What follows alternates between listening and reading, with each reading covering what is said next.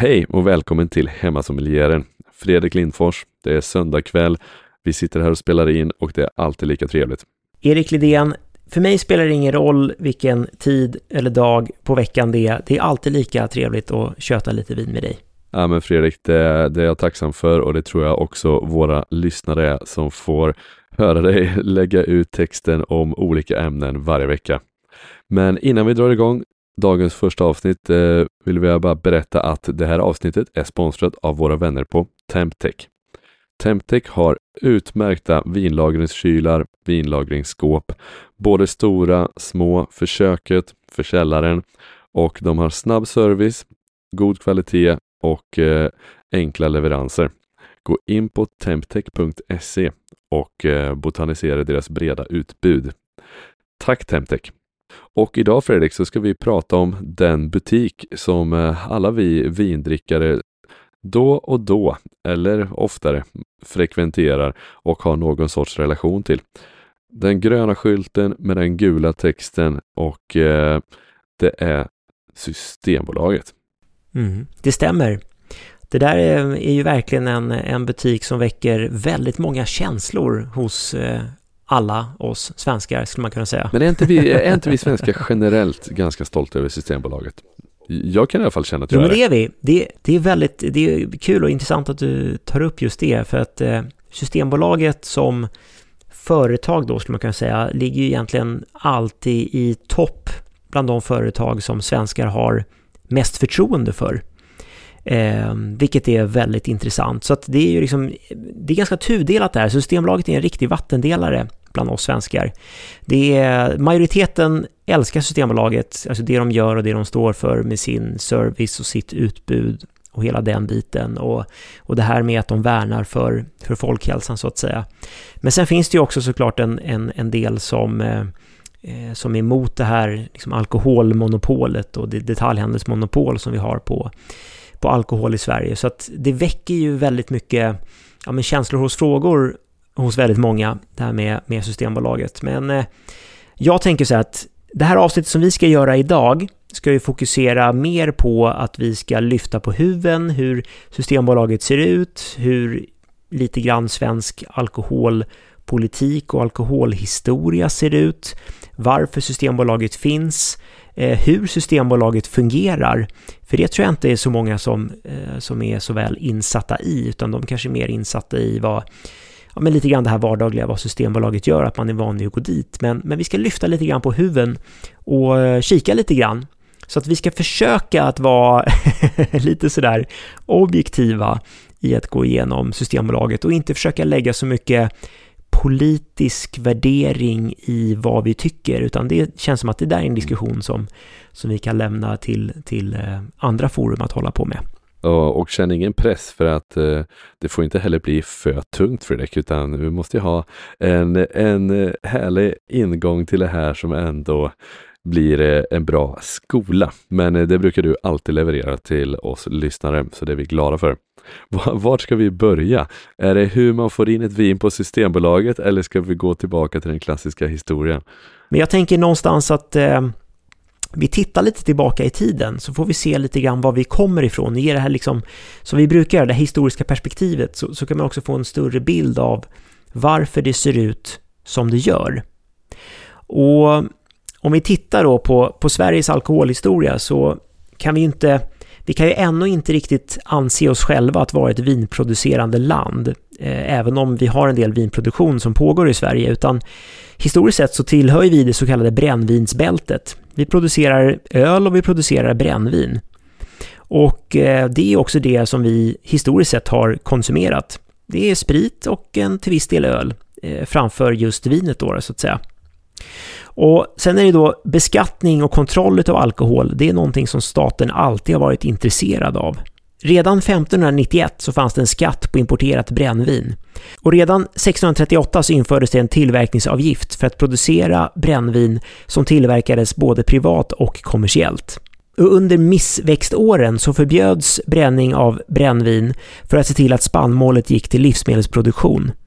Och sen skulle det dröja ända till 1860 då husbehovsbränningen förbjöds helt. Alltså hembränning fick man inte hålla på med efter 1860. Och varför ville man göra det då? Eh, nej men av flera anledningar och, och dels har det att göra med alltså folkhälsan eh, framför allt och det tror jag varit den stora punkten i historien också att eh, man har druckit för mycket, alltså under perioder när det har varit tufft. Ja, och jag tycker du känns ju ganska mild i din framtoning, men krasst kan man väl säga att eh, vad man har hört historiemässigt att svenskarna var ett folk som höll på att supa ihjäl sig man behövde sätta stopp för det. Och till viss del så skulle man kunna eh, relatera en, eh, eh, att det ändå gått ganska bra för Sverige de senaste hundra åren finns det vissa som säger, ja men när svensken slutade supa så blev det lite mer ordning. Det där är väl kanske att hårdra det. Men, men någonstans i detta då så skapades Systembolaget. Hur skapades det då? V när och vem? Om jag hade chansat skulle jag ha sagt typ så här 1920, men jag vet faktiskt inte. Det är inte så att de har slått på stora trumman och sagt nu firar vi 100 år, nu nedsatta priser på bag-in-box. Ta tre, betala för två. Nej, så jobbar inte Systembolaget. Det existerar ju inte. Men du är bra. Jag tror att du är ganska på det där, Erik. För att eh, tittar man hur, hur situationen såg ut i Sverige under början av 1900-talet så hade man stora samhällsproblem med, med just alkohol. Och det tillsattes en eh, kommitté 1911 som hade i uppdrag att råda bukt på just det här problemet då. då. Och då kom man fram till tre stycken punkter som eh, man var tvungen att verka på för att då kunna komma till roten med, med problemet. Och dels var det då först var att man avskaffade privata vinstintressen i alkoholhanteringen. Och vad det innebar då att eh, man skulle helt enkelt eh, säga upp de privata då till exempel destillerierna som, som eh, producerade alkohol och att de inte fick verka längre. Eh, man skaffade också en eh, öppen nykterhetsvård, alltså en rehabilitering skulle man kunna säga, för att få folk på benen igen och, och komma, komma tillbaka som, som hade då uppenbara alkoholproblem. Och det tredje var då att man skaffade en individuell försäljningskontroll. Och det gjorde man i den här tiden med Motboken. Vad är det för något? Och eh, ja, det ska vi gå in på lite djupare. Så år 1913 kom försäljning av alkohol att kontrolleras genom regionala modeller efter det så kallade Stockholmssystemet. Och här införde man motboken. Det var ett sorts ransoneringshäfte som man fick ansöka om hos sitt lokala system. Och gifta kvinnor Personer utan fast boende och arbetslösa fick generellt ingen tilldelning. Och ogifta kvinnor kunde få köpa lite grann, men det var först efter en särskild prövning. Det är helt sjukt. Men då var det då, ja det är, men du måste tänka, det här är ju också före, eller det är kring tiden då man röstar igenom kvinnlig rösträtt. Så att eh, backar man 100-110 år i tiden så Sverige ser väldigt annorlunda ut mot vad det gör idag. Ja.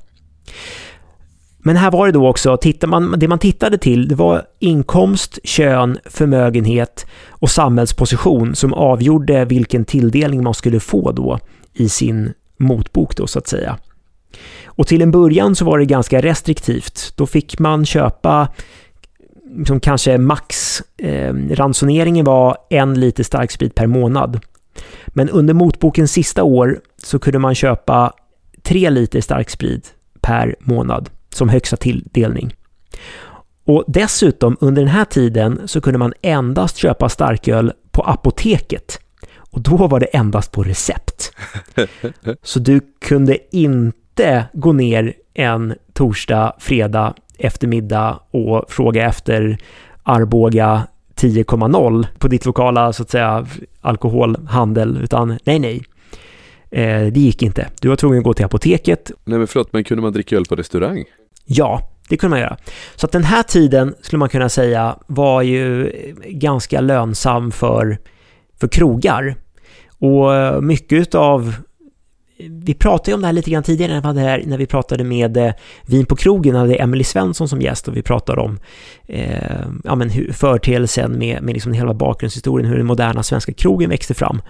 Så i början på 1900-talet så fick ju eh, krogarna en, en klar uppsving, men det hade att göra med att man kunde ju inte få tag i alkohol särskilt enkelt via, alltså inom butik, utan då var du tvungen att gå till ett utskänkningsställe, alltså en restaurang, en krog. Och där var det också ganska reglerat. Du kunde till exempel inte beställa in öl, vin eller sprit utan att ta in mat samtidigt också. Det lever väl kvar? Nej, egentligen inte. Där har man, där har man luckrat upp ganska mycket på. Alltså du kan gå till en bar och bara dricka en öl och sådär idag, men då var du ju tvungen att ta in någonting till.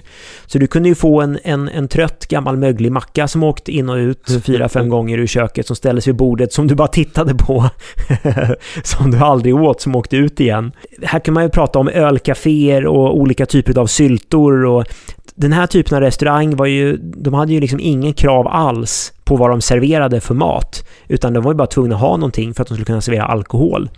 Så att för dem så var ju kanske det här med motboken var ju en ganska bra grej, för det gjorde att de fick en ganska ordentligt uppsving i sin business. Just, just det. Men, men vadå, om man skulle vilja öppna en vinbar idag, som jag gärna hade velat göra någon gång i framtiden, man måste väl servera mat? Ja, det sitter väl ihop? Du, du får väl inte ett alkoholtillstånd om du inte serverar mat? Jo, men det gör det. Alltså, det, det ska du göra. Men, men det har varit ganska tufft eh, tidigare att du, du har varit tvungen att servera varm mat och ha en diversifierad meny och, och ha ett fullständigt kök och fettavskiljare och massa sådana här krav har, har man haft tidigare. Men, men idag har man ju luckrat upp på det där så att nu kan ju... Vad är lägsta krav nu då? Ja, men nu, kan du, nu ser du ju till med kaféer och, och sushibarer och tacobar har ju alkoholtillstånd till exempel.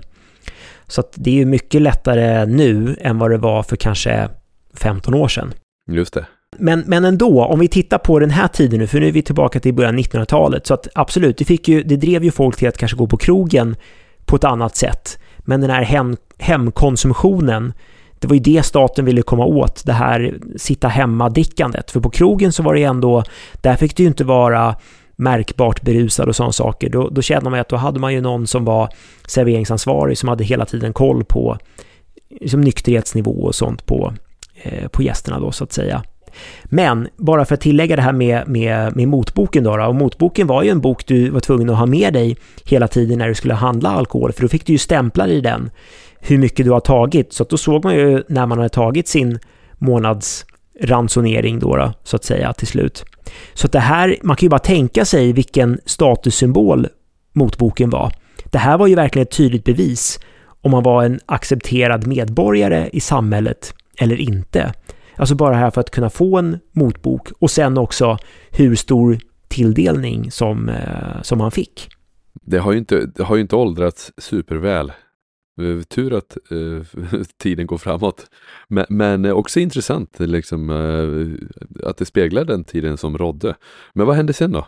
Ja, eh, och sen så bara några år senare, 1917, då grundades Vin och spritcentralen eh, Eh, som ett statligt ägt bolag och eh, det skulle ta bort de här enskilda vinstintressena ifrån alkoholindustrin. Så att befintliga aktörer blev tvångsinlösta och existerade varumärken de eh, togs över av det statliga monopolet.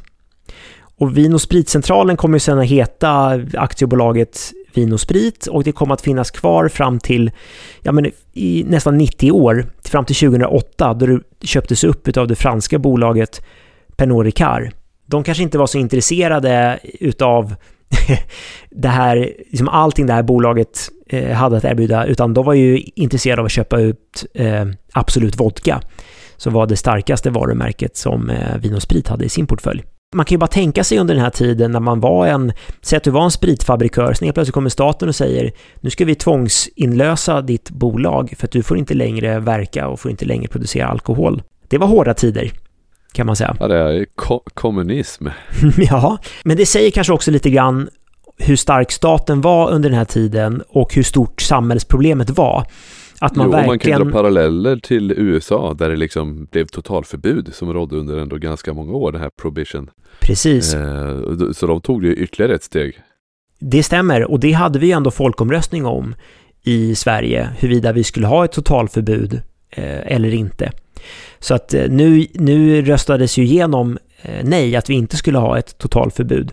Så att det här blev ju någonstans effekten av att vi inte fick det, var ju staten fortfarande tvungen att göra eh, vissa saker då så att säga. Ja, intressant. Ja, det är väldigt intressant. Jag tror ändå vi ska vara glada att vi inte hade ett, eh, ett totalförbud, för vi pratade ju bland annat om det när vi, vi pratade om Napa Valley till exempel och vad det gjorde emot eh, vin eh, vinindustrin i USA under 20, 30, 40-talet, alltså egentligen ända fram till 60-talet innan det började ta fart igen, så var ju det verkligen förödande.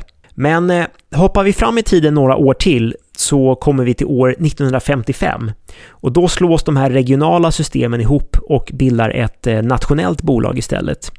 Och det här blir då Systembolaget. Och i samband med bildandet av Systembolaget så slopas motboken och svenskar får börja handla alkohol utan ransonering. Och man kan ju bara tänka sig att det här är ju förmodligen lite grann som ja, 16-åringar som åker till Ayia Napa första gången och eh, det, är, det är liksom ett fritt flöde på alkohol på ett helt annat sätt. Eh, och vad, som, vad jag har läst i alla fall i några så historiska dokument är att det framförallt blev ett väldigt stort tryck på ölförsäljningen. För att det var ju väldigt kontrollerat och hårt och med tanke på att det var, bara var genom apoteket och så tidigare. Och sen 1957, då startar Systembolaget eh, vad de kallar för Operation Vin. Och den har i syfte att få svenskar att dricka mindre starksprit och istället fokusera på det alkoholsvagare vinet. För då har man helt enkelt kommit på att det här med kan man få folk att inte bara sluta dricka alkohol, för det kan man kanske inse att det är svårt. Det har man ju provat under, under lång tid med att eh, Eh, förbjuda hembränning och sådana saker. Och då tror man kanske någonstans det här med att just hembränning är väl en sån sak som folk kommer fokusera på om man, om man skulle förbjuda saker. Om man då istället kan få folk att dricka drycker som har lägre alkohol så måste ju det på något sätt ändå vara bättre för folkhälsan. Så då initierar man så att säga den här Operation Vin där man försöker få folk att ja, men, gå från brännvinet och drick ja, men vanligt vin då istället så att säga. Och vid den här tiden så introducerar man de här glasmontrarna som display i butiker eh, som man kunde se i de här bakom diskbutikerna så länge de existerade så var det ju stora liksom, montrar med alla de vinerna som de hade i sitt sortiment som man som konsument kunde gå runt och titta på liksom, lite grann innan man skulle bestämma sig för vad man skulle köpa, vad man faktiskt skulle ha för någonting. Och det här var ju då en, en, en, en uppmaning för konsumenterna att intressera sig mer för vin. Och sen då, inför julen 57 så, så körde Systembolaget med en julskyltning där man kunde läsa en dialog och jag tänkte jag, jag, jag läser den så får vi se vilken eh, relevans den har idag. Men då stod det så här. Ja, där sa du något förnuftigt, Anders. Tänk, Britta, om vi kunde göra likadant. Ingen sprit i jul. Ett gott vin istället till skinkan och korven. Det tycker jag låter bra. Så gör vi. ja, hyfsat tillrättalagt. Men, men vad intressant att det liksom, det dracks inte direkt vin i gemene mans hem på den tiden. Eh, och, så, så, att det liksom nästan såg som något exotiskt då, eller? Ja, men det skulle jag säga. Och det kanske var en samhälls, alltså lite så här klassfråga då också, vilka som drack vin. Ja. Alltså det var ju, ehm, det var ju liksom, arbetarna drack inte viner utan det var ju mer någonting som hö, hörde till övre medelklassen eh, och sådär som, som eh, kunde dricka vin på det sättet. För vin var ju också förhållandevis dyrt, var importerat. Öl och brännvin producerade man ändå i Sverige. Jag vet du något om utbudet liksom och vad kostar en flaska då? Alltså det hade varit intressant att veta vad, vad, vad liksom, jag antar att det var mycket så här Bordeaux och, och de där då, antar jag, kändisarna. Kul att du nämner det Erik, för nu ska jag berätta om ett vin som folk faktiskt drack på den här tiden. Och det var sherry. Såklart. Då är vi tillbaka där igen. Jajamän. Ja. Nej, men det är precis som du säger, man drack ju klassiska eh, traditionella viner, framförallt i Europa, alltså det man tänker. Champagne, Bourgogne, Bordeaux, Eh, man drack starkviner var, var ju mycket, betydligt mycket vanligare att man drack då än man gör idag. Så sherry, portvin, madeira, den typen av viner var, var mycket vanligare. Alsace, eh, Riesling var, var stort, kanske framförallt från Alsace. Tyskland dippade ju såklart lite grann under både första världskriget och andra världskriget så. Eh, men, men före första världskriget så var tyska viner väldigt populära att, att dricka, höll väldigt högt eh, rykte i, eh, i Europa. Ja, verkligen. Men 1971 är ett viktigt år. Vad händer då? Jo, men 1971 är första året som eh, vinförsäljningen går om spritförsäljningen i antal liter. Så att det här har ju varit, det här var ju lite grann frukten av den kampanjen som Systembolaget drev med den här Operation Vin. Att de ville ju få folk att liksom gå över till, till vin istället och det lyckades man med till slut då. då. Och det är ju inte bara med att man gör sådana här reklam och julkampanjer som Systembolaget gjorde, utan det lättaste sättet att få folk att gå över till att dricka vin, ja men det var ju helt enkelt att öka skatten på sprit. Så att staten såg ju också just, till att beskattningen på, på sprit gick upp, så att spritpriserna blev dyrare och att vin då förhållandevis blev billigare, vilket gjorde att folk gick in på, på vinet istället. Men då skulle man ju kunna säga någonstans att det är från 1971 så går ju Sverige mer mot att bli, alltså man skulle säga att det är starten mot att Sverige blir en vindrickande nation, som jag ändå tycker, liksom det kan vi ändå påstå idag, att vi är ändå ett, ett vindrickande land idag. Eh, vi har gått från att vara ett sprit och öldrickande land till att faktiskt bli ett fullt ut eh, vindrickande land. Men eh, jag ska tänkte jag ska ta några roliga kuriosa här emellan också. Vi kan ju ta till exempel att 1964, då införde man kassaapparater på Systembolaget som hade ett speciellt slumpvalssystem. Och när den röda lampan lyste i den här kassaapparaten, då var kunden tvungen att visa upp en så kallad fotoförsedd legitimationshandling.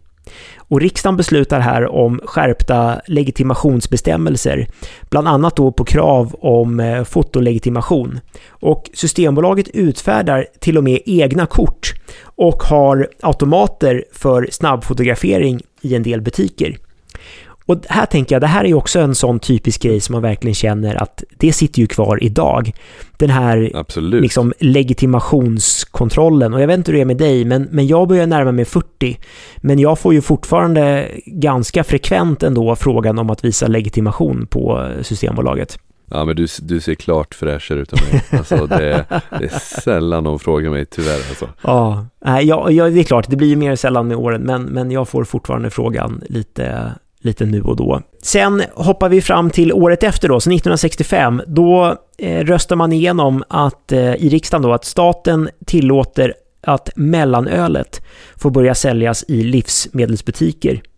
Men eh, sedan förbjuder man det här igen 1977. Så att det här var väl kanske ett lite sådär prova på och se om det fungerar att sälja alkohol i livsmedelsbutiker. Sedan under, eh, under 80-talet så började Systembolaget fundera på att modernisera sina butiker. Och fram tills den här tiden så har ju all försäljning skett över disk. Och 1984 så började en butik i Karlstad med självbetjäning utav öl. Och sen dröjer det fram till 1991 innan den första butiken i Filipstad börjar med självbetjäning av hela sitt sortiment. Värmland i framkant alltså? Ja, lite extra roligt ändå att det, att det är just där man kör då. Men när den här första butiken började med sin självbetjäning, så det här blev ett jättestort pressuppbåd och det var till och med speciella charterbussar med kunder som kördes till den här nya moderna butiken för att kunder skulle få liksom, uppleva det här nya sättet att eh, handla alkohol på. Idag så har i princip alla butiker gått över till självbetjäning, men det finns två butiker kvar.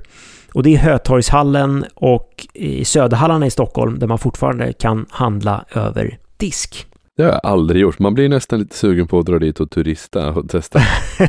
Hur det var förr. Frågan är om det var bättre eller om det är roligare att gå runt i butik och plocka själv. Ja. Men eh, oavsett så kan man ju åka dit och prova på det. Och om vi fortsätter sen, så under början av 90-talet och i och med Sveriges inträde i EU så genomgår Europakommissionen en granskning av svenska alkoholmonopolet. Och monopol, det är ju ingenting som EU är för, utan snarare tvärtom. EU ska ju vara en, en, eh, liksom ett centrum för frihandel för dess eh, medlemmar.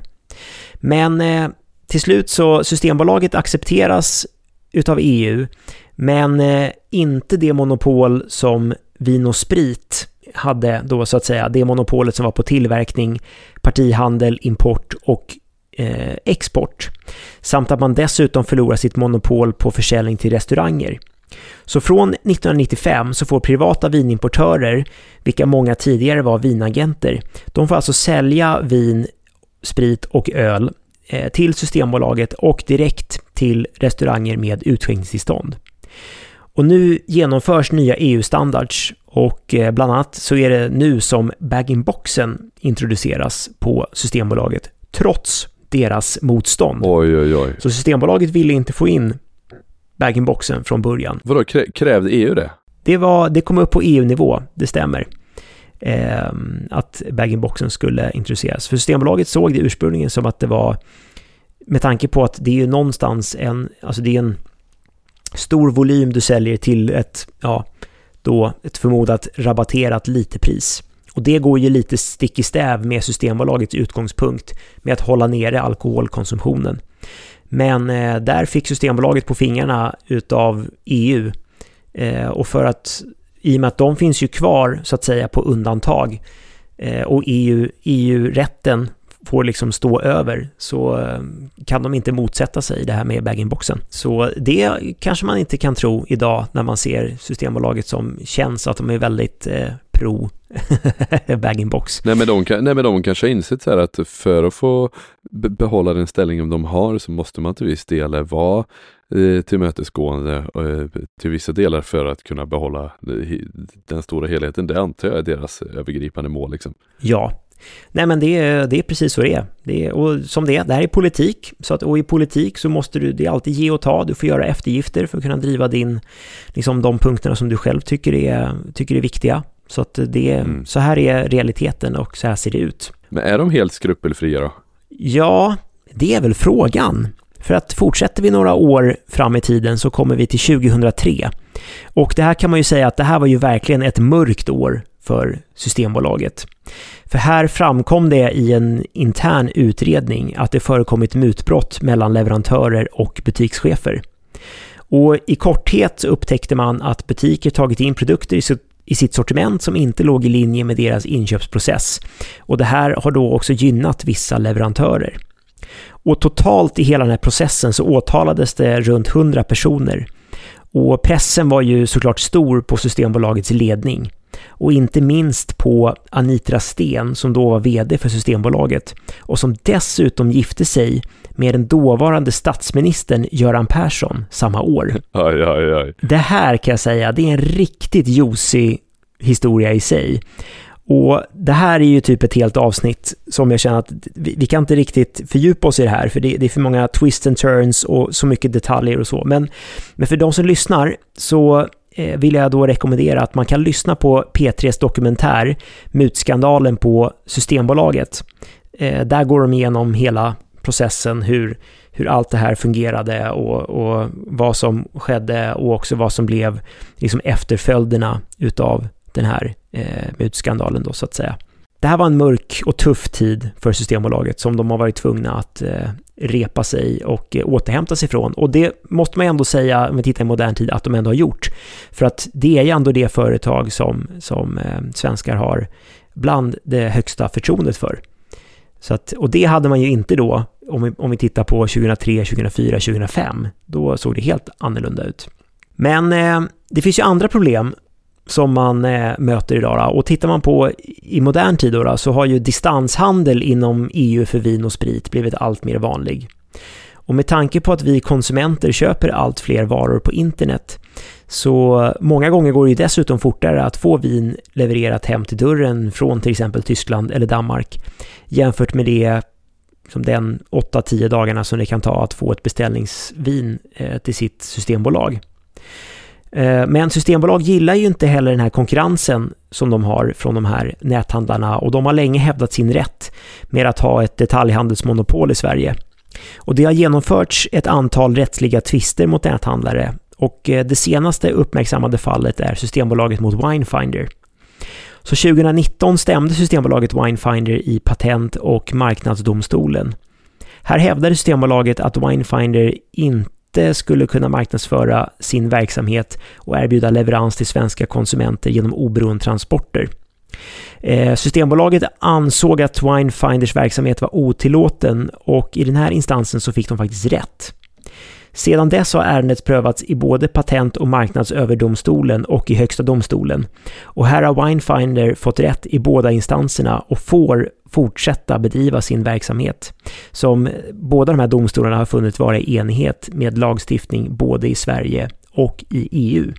Ja men här känns det som att de kan gå på en mina om de driver det för hårt. För EU lär väl vara för att allt ska kunna säljas eh, eh över gränser och så vidare.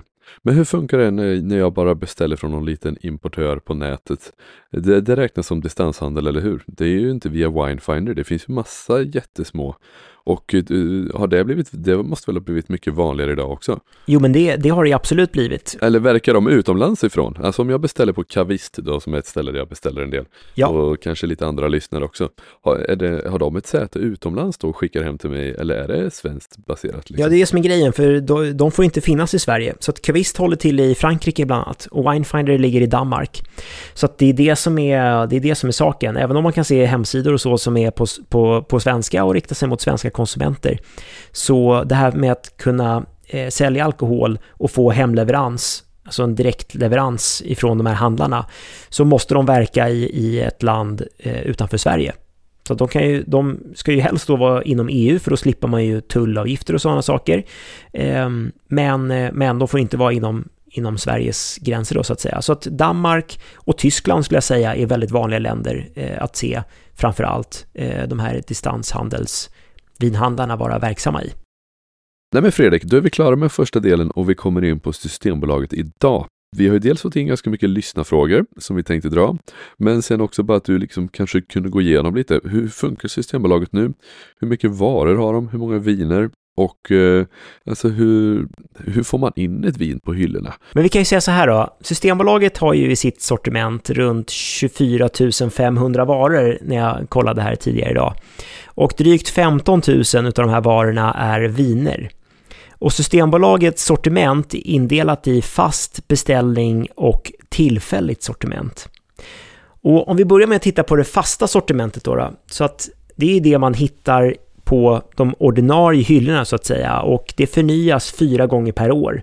Så att i mars, juni, september och december så kommer det nyheter på de här hyllorna men det är också då som produkter faller ur eh, så att säga det fasta sortimentet.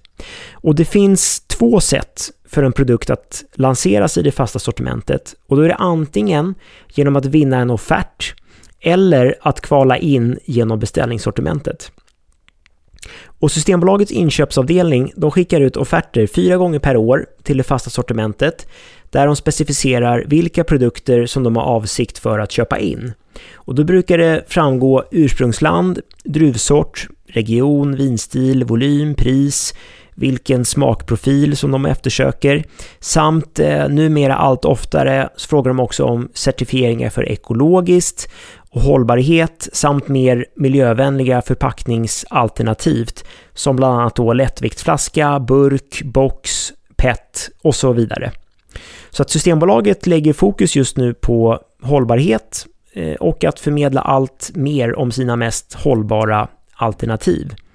Så man kan ju säga om Systembolaget inte gillade bag-in-boxen när den lanserades där i mitten av 90-talet. Ja, så har de vänt om och tänker på koldioxidavtrycket. Precis, och idag passar den ju väldigt bra i deras produktkatalog med tanke på det lägre klimatavtryck som den faktiskt gör. Offerterna går sedan ut till importörer som i sin tur letar reda på viner som passar kravspecen och sen skickar in de här vinerna till Systembolaget som blindprovar eh, de här produkterna och sen väljer de ut de vinerna som de tycker passar bäst till den offerten då så att säga.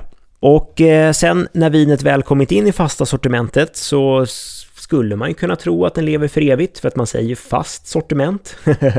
Men eh, det stämmer ju inte riktigt heller utan eh, Systembolagets fasta sortiment utvärderas genom en, ja, ett säljrankingsystem där det beroende på sin försäljning kan gå upp och ner i antalet butiker som de finns tillgängliga i.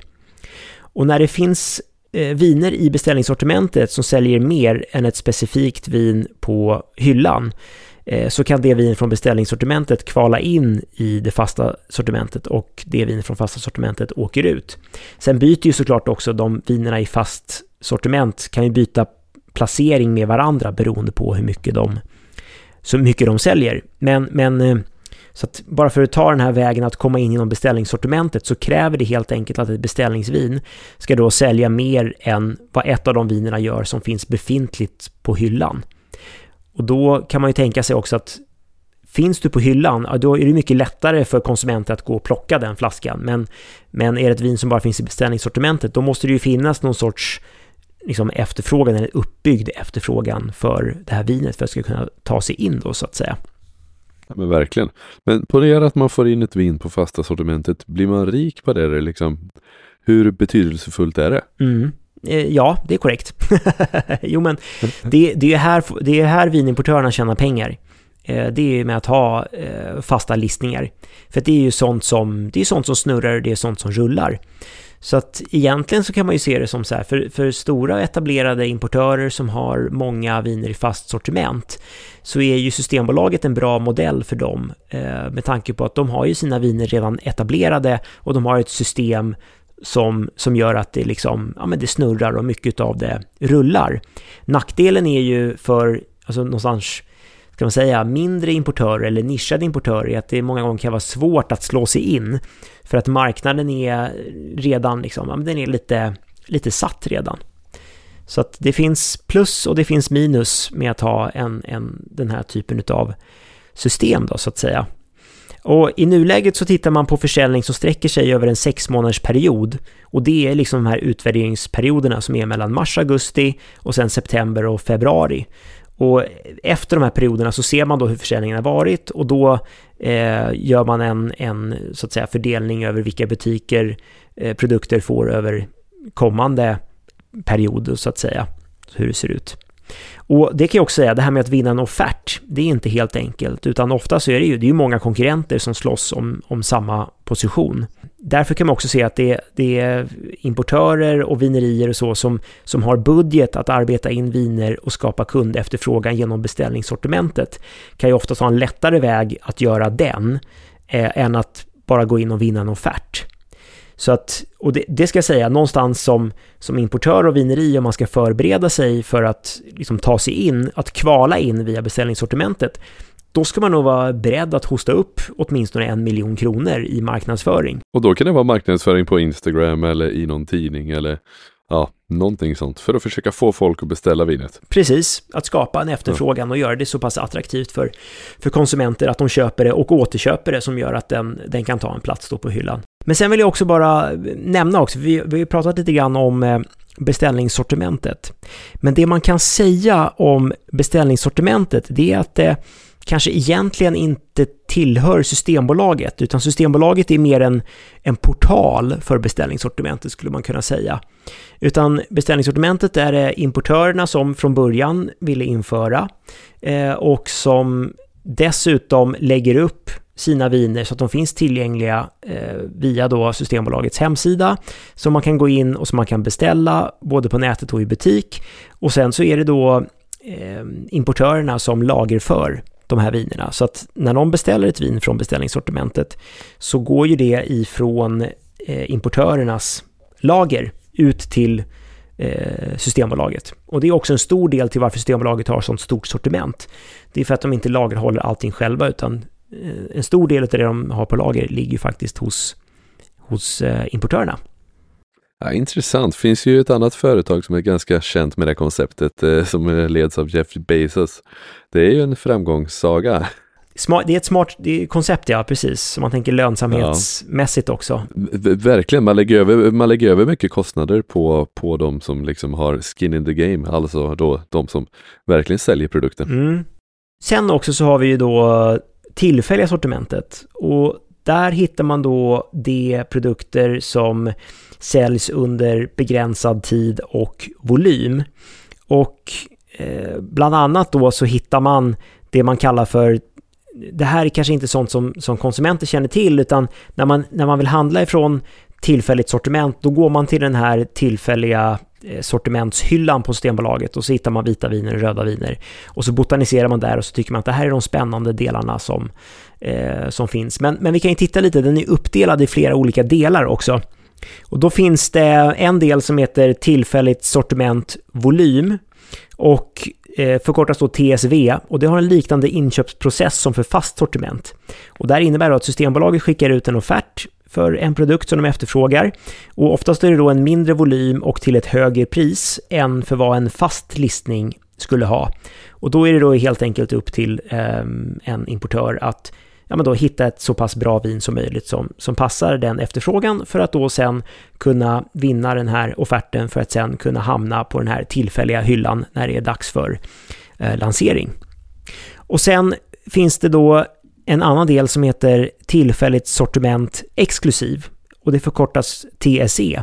Och här har Systembolagets inköpare själva lite friare tyglar att köpa in mer så att säga exklusiva viner i begränsade volymer som du ser har en kundefterfrågan och gärna då ett redan inarbetat eh, rykte och gärna ett internationellt rykte och höga ratings och sådana saker för att lättare kunna ha en, en eh, så att säga framgångsrik lansering och ja, sälja ut under en relativt kort tid då så att säga. Och sen ovanpå det här så finns det då webblansering.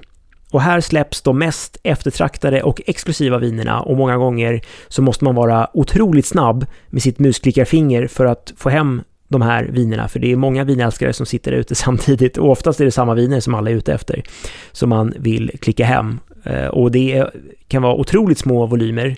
Ibland kan det bara vara ett par flaskor som säljs, där man vet att det är jättemånga som sitter och klickar, men sen kan de ju kosta hur mycket pengar som helst. Det finns liksom inget tak för de här vinerna riktigt. Nej, men, det, men, men, men det har du sagt till mig, för då kan det vara, väl vara så att i och med att Systembolaget är en, inom citattecken, god kund, så kan de få riktigt sådana häftiga topptilldelningar för att kanske en, någon som äger en vingård säljer väldigt många olika viner till systemet och då kan man få några även av ett sånt här toppslott.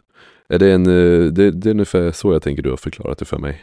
Ja, ska man säga. Alltså det är någonstans, ja, de mest exklusiva vinerna i världen, typ, eller mest efterfrågade i små volymer, de kan landa på webblansering, bland annat.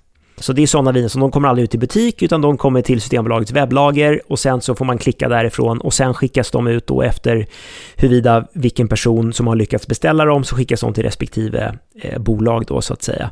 Så att där är det ju lite, det är lite chansning, det är lite tur, det gäller att vara snabb på att klicka för att lyckas få hem eh, de här vinerna. Så att det är lite, ja, det är, det är som att spela ett dataspel skulle man kunna säga ibland. jo, och, och det är frågan om, med, med, nu ska man inte spekulera för mycket, men med teknik och sånt, om man kan ha sådana här bottar som klickar åt en och sådär. Det, det där är kanske något som Systembolaget i framtiden kommer behöva ha lite koll på så att det inte missbrukas för att det ska ändå vara någon sorts eh, rättviseprincip eh, som de står för. Nej men så är det nog och utan att, utan att ha för stor insikt hur det exakt fungerar idag så vet jag ändå att det där har de eh, lite koll på. De har ändå ganska hög alltså hemsidesäkerhet och sådana saker där de liksom skyddar och spärrar och ser till att liksom inte sådana här saker ska kunna gå igenom till exempel. Eh, ja. Så att det finns, de, de, är nog väldigt medvetna om eh, hur saker och ting fungerar. Så är det ju. Eh, som en snabb, jag ska bara omnämna det snabbt för det är ändå ganska små sortiment, men sen finns det någonting som också kallas för tillfälligt sortimentsäsong och där faller ju liksom all din glögg, julöl, påsköl och sådana saker. Sen finns det också ett tillfälligt sortiment, eller det som kallas för eh, lokalt och småskaligt. Eh, och då är det producenter som eh, de kan sälja till eh, max 10 butiker som ligger i en 15 mils radio från där deras produktion eh, ligger. Så kan de ha liksom en, ja, men lite när, närhetsprincipen med eh, försäljning helt enkelt. Ja men det kommer in till exempel en, en långmyre på Gotland som jag verkligen försökte få tag på förra året, deras rosé. Ja men då, den gick ju nästan bara att få tag på då på de tre systembolagen som fanns på Gotland. Just för att det släpptes under lokalt och småskaligt. Ja men precis, och det är väl exakt, och för en del saker som är så små, det, det kanske räcker för dem att bara sälja i sin, eh, i sin närhet.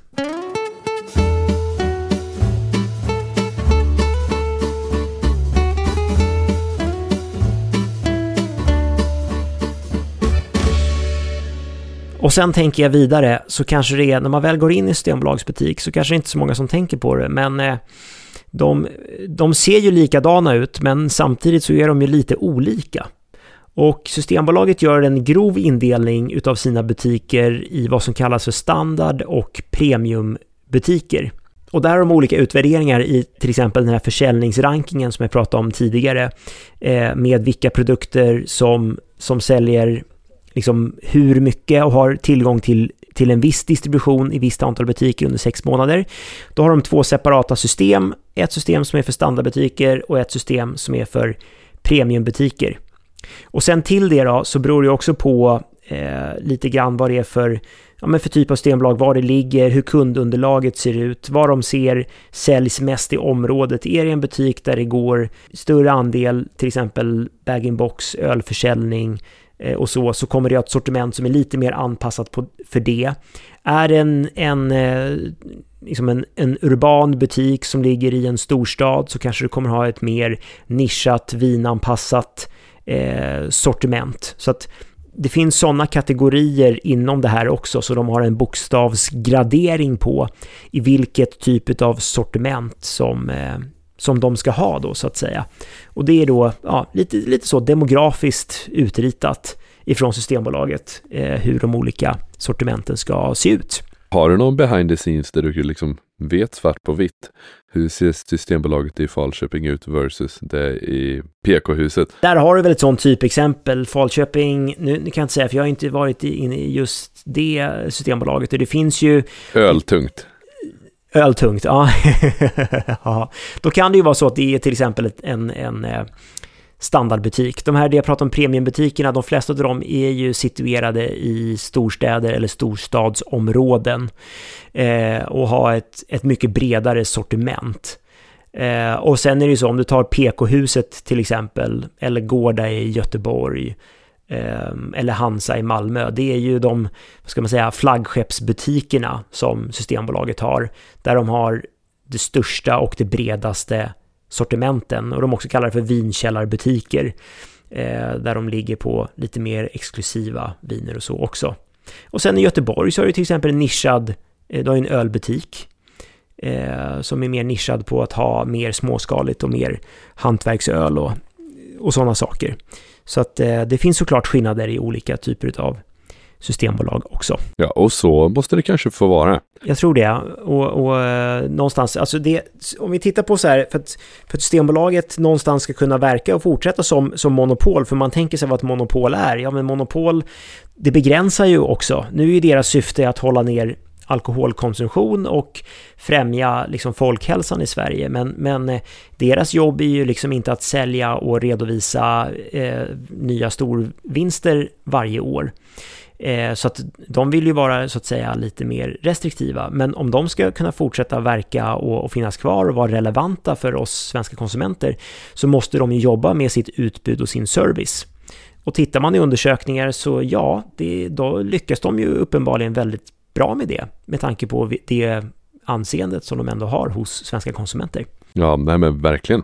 Men du Fredrik, eh, det börjar bli dags att runda av med lite lyssnarfrågor. Vad tror du? Orkar du köra några lite snabba? Vi kör. Vi har ju ändå bett eh, våra, våra lyssnare och våra följare på Instagram att eh, ställa sina frågor om Systembolaget, vad man undrar. Så att Erik, jag säger fire away.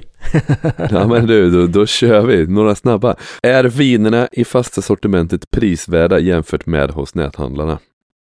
Eh, ja, bra fråga. Eh, det där, jag skulle säga generellt så är Systembolaget ändå ganska duktiga på att hålla ner priser. Och det har inte alltid att göra med att det är de som håller ner priserna. Eh, de sätter ju priser vad de vill att ett vin ska kosta när de köper in ett vin. Men sen efter det så är det faktiskt upp till importörerna att eh, sätta sina priser sen löpande när de väl vill höja priserna. Eh, men då blir det ju också någonstans, om du ska höja priserna så finns det ju risk att du har andra konkurrenter som kommer ta din plats för att du riskerar att sälja mindre så att säga. Eh, och med tanke på att Systembolaget inte kör några sådana här ta tre, betala för två kampanjer och sådana saker så är ju den här ordinarie försäljningen är ju så att säga väldigt viktig. Och det gör att de ändå kan hålla nere mycket priser. Systembolaget har en eh, vad ska jag säga, deras prispåslagsmodell är ändå relativt låg om man skulle jämföra med många andra handlare, framförallt när man kommer upp i, eh, i kvalitet. Så att någonstans blir det så här gynnsamt att ju dyrare vin du vill köpa, desto mer fördelaktigt kan det också bli att handla via Systembolaget. Procentuellt sett. Precis. Just det. Hur långt efter ett köp kan man reklamera ett korkskadat vin och behöver man kvittot? Ja, men Systembolaget har ju en väldigt generös policy här. Jag tror faktiskt att den är ända upp till tre år. Eh, att man kan reklamera ett, ett vin som man anser är defekt. Och sen är det dessutom så att man behöver faktiskt inte ha med sig ett kvitto. De säger nog själva så att ja, men det är bra om ni har med er kvitto, men det är inget krav på det. Och det har att göra med att de faktiskt är enda Alltså det är enda detaljhandeln som finns. Så att man kan inte ha köpt det enligt dem då i en annan butik. Utan ja, därav ska man kunna gå tillbaka till Systembolaget och kunna eh, reklamera det här vinet då, då så att säga. Ja men det, det, är väl en schysst policy jag har då. Absolut. Eh, vilken, vilken leverantör är störst på Systembolaget och varför? Eh, ja, det finns ju några stora sådana här drakar, men eh, absolut störst just nu eh, på eh, vin då, om vi ska säga så, för det, det skiljer sig lite grann mellan vin och öl och sprit och sådana saker, men, men jag tänker vi, vi fokuserar väl på vin så att vi kan titta på det. Men då är det Viva Wine Group som är eh, största importör och som säljer till Systembolaget. Och eh, jag tror faktiskt att det är så mycket som att var fjärde flaska vin, om man räknar, om man räknar bort om man räknar om alla bag-in-boxer till flaskor och så tänker man en, mm. en hel volym som Systembolaget säljer, då är det nog så att var fjärde flaska vin säljs ifrån Viva Wine Group. Det är helt sjukt stort. Men det som är stort är ju såklart eh, bag-in-box försäljningen och eh, nu får du nog hålla i dig och sätta dig ner Erik om du vill veta hur mycket bag-in-box som säljs i Sverige i procent. ja men det vore intressant ja, eh, faktiskt. Jag kan säga att det är mer än hälften av allt vin i volym som säljs i Sverige säljs i bag-in-box. Jag tror att den aktuella ja. siffran är 52 procent. Eh, så att det är otroligt mycket vin som, eh, som säljs i bag-in-box. Ja, ah, jag ska inte uttala mig. Och där är Sverige unikt ska jag säga. Det finns inget annat land i världen som har så hög andel bag-in-box försäljning mot flaska. Så att det man kan säga så här är ju att svensken gillar ju bag-in-boxen väldigt mycket. Ja, det är väl för vi är så klimatintresserade. Nej, jag.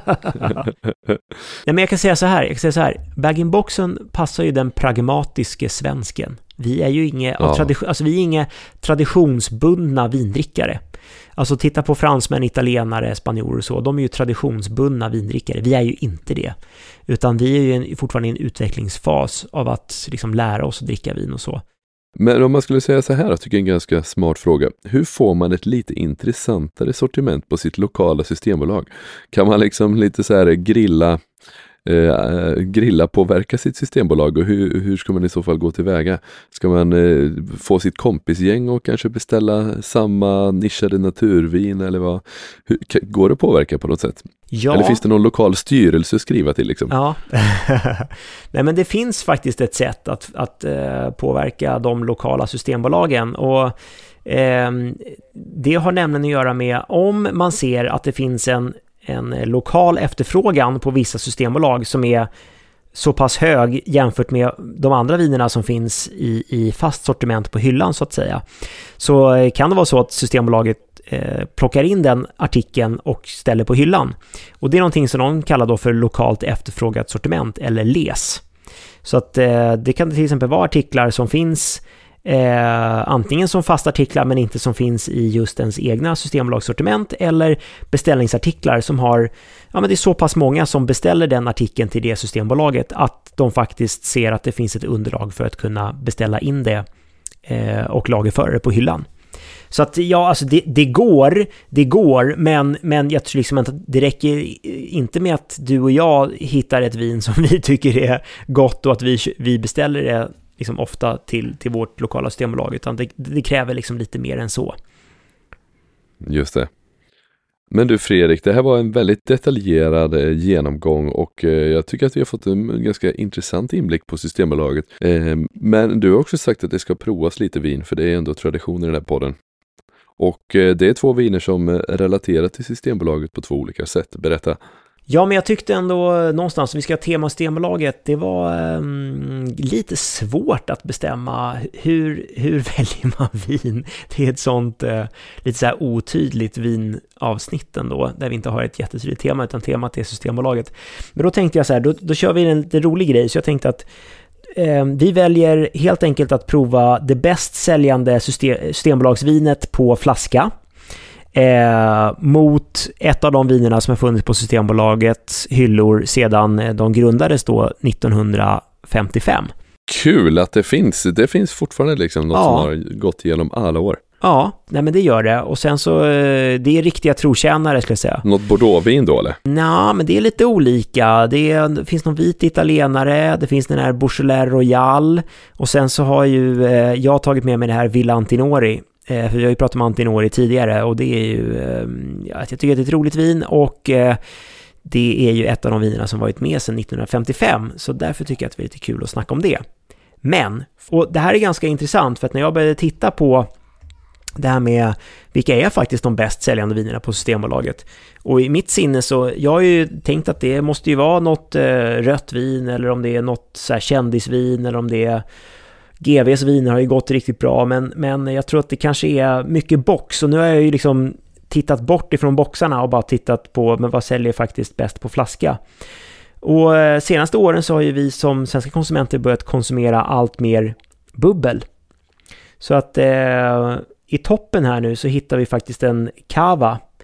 En eh, ekologisk kava som heter Julia e Navines. Som är en eh, semisecco. Så att ja, det här är en lite sötare variant utav kava. Men det är inte det vi brukar prova i den här podden. Nej, men eh, precis. Det kanske är föga förvånande, för det är någonstans så här, ja, men socker är ju ganska, det har ju en förmåga att kunna förtäcka lite feltoner, det gör ju att det blir lättdrucket och, och alla de bitarna.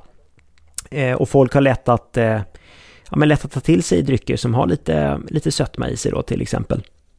Men eh, jag doftar på det här och måste ändå säga, alltså näsan tyder ju liksom inte på något sådär, vad ska jag säga, alldeles för sliskigt eller för onaturligt vin, utan jag tycker ändå det här doftar rätt schysst. Det är klart, det finns en, finns en lite så här tropiska undertoner, det finns lite söta karaktärer som finns där, men, men rent spontant så är det så här, det är ingenting som är dåligt, det är ingenting som stör mig.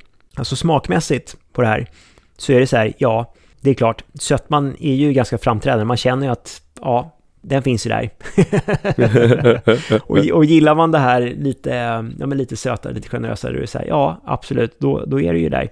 Sen finns det lite syra som backar upp det här och, och, och så. Och det här är ett vin som jag tänker passar bra till lite asiatiskt, lite mer kryddstark mat. Välkomstbubbel, studentbubbel. Ja, lite så. Absolut. Men sen kanske för min personliga smak bara dricka så här. Ja, det är nog kanske ändå lite för, för sött. Men jag måste ändå säga överlag, kvaliteten är jag ändå förvånad över att den är ändå ja, men så pass bra. Nästa vin då? Sen går vi på eh, klassikern här, trotjänaren Villa Antinori, eh, som har funnits på Systembolagshyllan sedan 1955. Så det är ändå roligt att man hittar sådana här viner som, ja, men som är riktiga klassiker, som verkligen lever vidare, som folk fortsätter att konsumera, som är som tidlösa och som, eh, ja, som är riktiga klassiker, skulle man kunna säga. Och vi har varit inne och nosat tidigare, vi har ju pratat om Antinori när vi hade Toscana-avsnittet. Så vi har ju pratat lite grann om deras eh, rika historia sedan 1365, familjeföretag, 26 generationer i rakt nedstigande led Antinori och, och, så. Så att det är ju klart, eh, klart fascinerande, det får man verkligen säga. Och det, det känns också här, det är ju givet att det är ett av de vinerna som har funnits på Systembolaget längst. Men är det en, är det en Chianti? Alltså ursprungligen så var det här vinet en, en Chianti. Eh, det ligger egentligen i Chianti, men eh, det här är inte klassat som, som Chianti längre, utan det här är en Toscana IGT. Det här är ju ett sån här perfekt, skulle jag säga, sådär, ja men vardagsdrickarvin till alla enkla såna här pizza, pastarätter som man, eh, som man käkar. Men kanske åt det här, det här är kanske lite mer åt det här, som vi, som vi sa tidigare, åt det här traditionella hållet ändå. Det finns lite härlig sån här mörk, bärig, lite körsbärsfrukt. Det finns lite björnbär, det finns liksom lite den karaktären. Det finns lite kryddighet, det är lite örter, lite fatkrydda. Det finns ändå en bra rundör, det är lite bättre tanninerna, fin syra. Men det är linjärt, det är snyggt, det är, det är välpolerat ändå, måste jag säga. Och eh, ja, Vilantinori, en riktig trotjänare. ja, och, måste, och har ju sin fanbase i Sverige med tanke på att det har liksom funnits år efter år. Ja, ja men verkligen. Där har vi det lite grann, Erik. Det här var eh, någon sorts avsnitt om Systembolaget som eh, blev en eh, riktigt lång avsnitt. Det var inte tanken riktigt att vi skulle ha sånt här superlångt avsnitt om Systembolaget, men det finns mycket att säga och det finns väl garanterat ännu mer saker eh, att säga om Systembolaget. Det är ett ämne som, som jag tror alltid intresserar och fascinerar eh, vindrickare och eh, vinälskare, både på, ja, men både på lite gott och ont då, så att säga. Fredrik, stort tack för det och eh, så hörs vi igen om två veckor. Du, det gör vi. Skål! Skål, hej!